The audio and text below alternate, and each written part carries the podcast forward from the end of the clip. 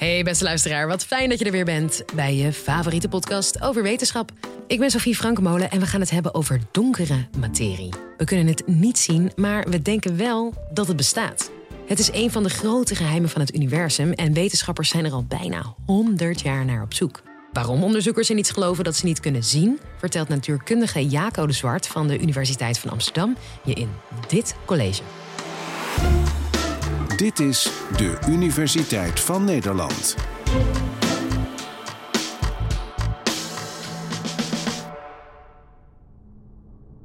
Het is kleiner dan een atoompje of het is zwaarder dan honderden zonnen. Het zit overal om ons heen of juist alleen op hele specifieke plekken in het universum. Het zou op dit moment zomaar met een enorme snelheid door de aarde heen kunnen vliegen. En zelfs door jouw lichaam. Maar je voelt niks. En vooral, je ziet het niet. Het is een raadsel dat wetenschappers al decennia lang achtervolgt. Ik heb het hier over dark matter. In deze aflevering vertel ik je wat donkere materie is. Dus buckle op voor een reis door de geschiedenis en door het heelal.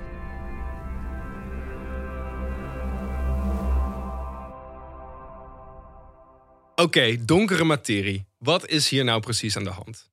Op basis van berekeningen wordt geschat dat alle materie die we zien en kennen, al het zichtbare spul in het universum, maar een fractie is van wat er eigenlijk bestaat. De normale zichtbare materie om ons heen kan niet meer zijn dan slechts 15% van alle materie in het universum. De rest is donker. We kunnen het niet zien, het geeft geen licht en reflecteert niets.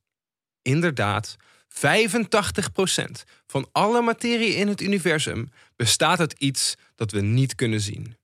Dit is de donkere materie. Maar waarom zijn wetenschappers overtuigd van het bestaan van dit onzichtbare spul? Van de sterren en planeten in de lucht tot alles wat leeft en niet leeft hier op aarde, het is allemaal gemaakt van materie. Deze dingen kunnen we allemaal zien met ons blote oog, of soms geholpen door een telescoop of een ander hulpmiddel. Maar tientallen jaren geleden stonden wetenschappers voor een raadsel toen ze naar al deze zichtbare materie keken. Er klopte iets niet in hoe deze materie beweegt. Er gebeuren allemaal gekke dingen in het heelal en er moet veel meer materie zijn om al deze gekkigheid te verklaren. Donkere materie lijkt in die zin een beetje op een horrorfilm. Een deur slaat hard dicht, een lamp springt kapot en er vliegt een kopje door de kamer. De wetenschapper is dan de persoon in de film die door iets onzichtbaars wordt getreiterd. De wetenschapper ziet dus niets, maar weet dat er iets in de buurt is en probeert erachter te komen wat deze gebeurtenissen veroorzaakt. In dit geval zijn deze gekke gebeurtenissen het bewegen van sterren en sterrenstelsels door het universum. Maar wat was er nou precies aan de hand? Voordat we hier induiken, moeten we ons eerst even oriënteren. Waar in het heelal zijn we eigenlijk precies? Wij zitten op aarde, zo ongeveer 150 miljoen kilometer van de zon vandaan. Dat is in ons zonnestelsel, samen met planeten zoals Mars en Jupiter. De zon bevindt zich dan weer 100.000 biljoen kilometer van het centrum van het Melkwegstelsel. En hier is de zon één van de miljarden verschillende sterren. 100 jaar geleden dachten we nog dat we alleen waren in het universum. En ons Melkwegstelsel het enige sterrenstelsel was dat bestond. Mede dankzij het werk van Edwin Hubble in de jaren 30 van de vorige eeuw kwam men erachter dat het hele universum vol zit met sterrenstelsels zoals de Melkweg. Stelsels van miljoenen tot miljarden sterren bij elkaar. Hier komen we ook terug bij de donkere materie. Frits Zwicky, een Zwitserse astronoom en een collega van Hubble, boog zich over hoe deze sterrenstelsels samenklonterden en zich bewogen in clusters. Inderdaad, clusters van sterrenstelsels. Sterren, maar ook planeten houden net als ons van een beetje gezelligheid. En dat komt door de zwaartekracht. En bij zwaartekracht denk je misschien aan een appel die naar de aarde valt. Maar zwaartekracht werkt ook op een veel grotere schaal. Het zorgt er bijvoorbeeld ook voor dat planeten en sterren bij elkaar blijven. En zelfs sterrenstelsels zoeken elkaar op hun beurt weer op en vormen groepen en clusters. Toen Zwicky de snelheden van meerdere sterrenstelsels in zijn cluster in kaart wilde brengen, stuitte hij op iets geks. De sterrenstelsels bewogen heel erg snel. De materie die je kon zien in de clusters, dus de aanwezige zwaartekracht, was bij lange na niet genoeg om deze sterrenstelsels bij elkaar te houden. Begrijpen we sterrenstelsels wel goed, dacht Zwicky. Of is er misschien heel veel onzichtbare materie die zorgt voor al die extra zwaartekracht? Godspeed, John Glenn.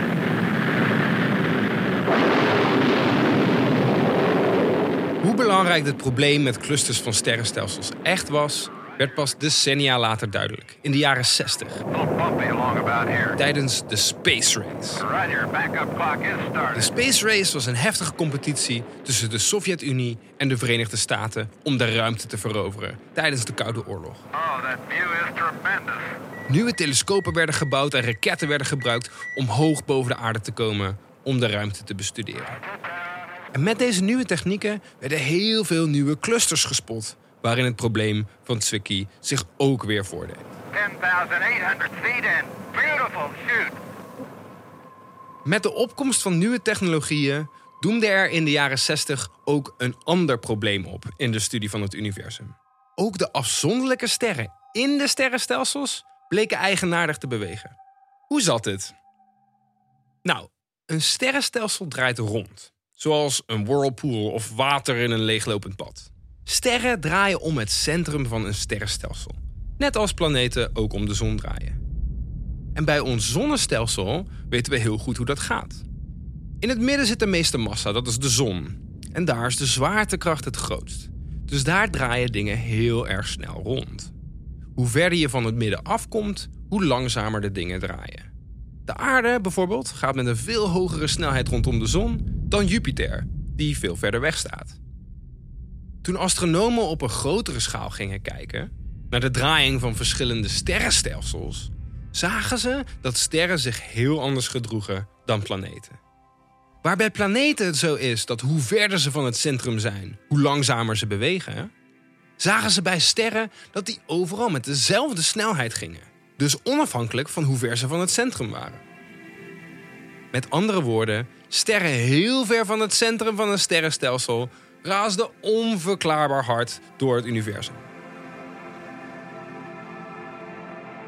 Hoe kan dat? Wat geeft deze objecten aan de buitenkant van sterrenstelsels hun extra duwtje in de rug?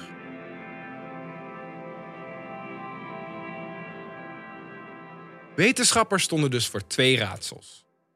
Ten eerste het probleem van Zwicky. Sterrenstelsels zaten gebonden in clusters, die eigenlijk uit elkaar zouden moeten vliegen. En dan dus het tweede probleem, is dat de sterren aan buitenkanten van sterrenstelsels veel te hard bleken te bewegen. Onverklaarbaar hard. En dit waren de vliegende kopjes en de dichtslaande deuren voor wetenschappers in de jaren 70. Het waren kosmologen, de wetenschappers die werken aan de theorie van het universum, die hier de echte speurneuzen waren. Ze concludeerden dat er veel meer massa moest zijn dan dat we zien. Deze massa zorgt dan voor de extra zwaartekracht die al die gekke dingen kan verklaren. Hun conclusie: het merendeel van het universum bestaat uit iets dat we nog nooit hebben gezien: donkere materie. Het is al een tijdje geleden sinds de jaren 70. Er zijn veel redenen bijgekomen om te geloven in donkere materie. Maar er is een belangrijk puntje nog onduidelijk. Wat is deze donkere materie nu eigenlijk? En na meer dan 40 jaar zoeken weten we het antwoord op deze vraag nog steeds niet. De hypothese waar het meeste aandacht aan besteed is, is dat de donkere materie een nieuw soort deeltje zou zijn. Een onzichtbaar deeltje. De zogenaamde Weakly Interacting Massive Particle, ofwel de WIMP. En deze WIMP die race overal door sterrenstelsels en zorgt voor die extra massa die de gekke effecten veroorzaakt. Op hele zeldzame momenten zou dit deeltje dan tegen andere materie kunnen botsen en toch kort even zichtbaar kunnen zijn. En er zijn talloze experimenten om dit deeltje proberen waar te nemen. Diep onder de grond en met satellieten in de ruimte. Maar tot op heden hebben we dit deeltje nog niet kunnen vinden. Is het helaas nog niet gelukt. En de favoriete kandidaat van veel wetenschappers, de WIMP, verliest daarom snel aan fans. Desondanks geven astronomen en natuurkundigen niet op. Er zijn namelijk heel veel andere kandidaten voor wat de donkere materie zou kunnen zijn. Van andere soorten allerkleinste, nog onbekende deeltjes tot aan zwarte gaten honderden keren zo zwaar als de zon. Het onderzoek naar donkere materie is een soort speelplaats van ideeën en creativiteit. Maar het is ook als het zoeken van een speld in een hooiberg. Zonder dat je eigenlijk weet of het wel een speld is waar je naar op zoek bent of heel iets anders. En misschien is er wel helemaal geen speld. Sommige wetenschappers geloven dat het probleem van donkere materie juist niet zegt dat er meer materie moet zijn, maar dat onze theorie van de zwaartekracht niet klopt. Dat we eigenlijk dus nog niet zo goed begrijpen waarom sterrenstelsels altijd zo gezellig bij elkaar hangen. Ook dat is nog een mogelijkheid.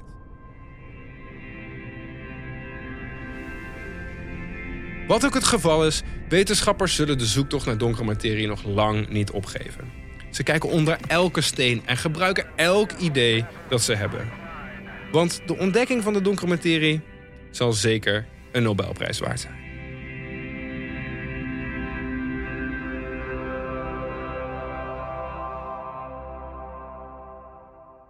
Je hoorde Jaco de Zwart. En hey, vond je het nou een leuk college? Word dan vriend van de show. Voor maar 2,50 per maand kun je ons al steunen. En met jouw hulp kunnen wij twee keer per week een podcastaflevering blijven uitbrengen. Zodat iedereen kan blijven leren van de allerleukste wetenschappers van Nederland. Dus waar wacht je nog op? Word lid van de nieuwsgierigste vriendengroep van Nederland via de link in de beschrijving. Tot de volgende aflevering.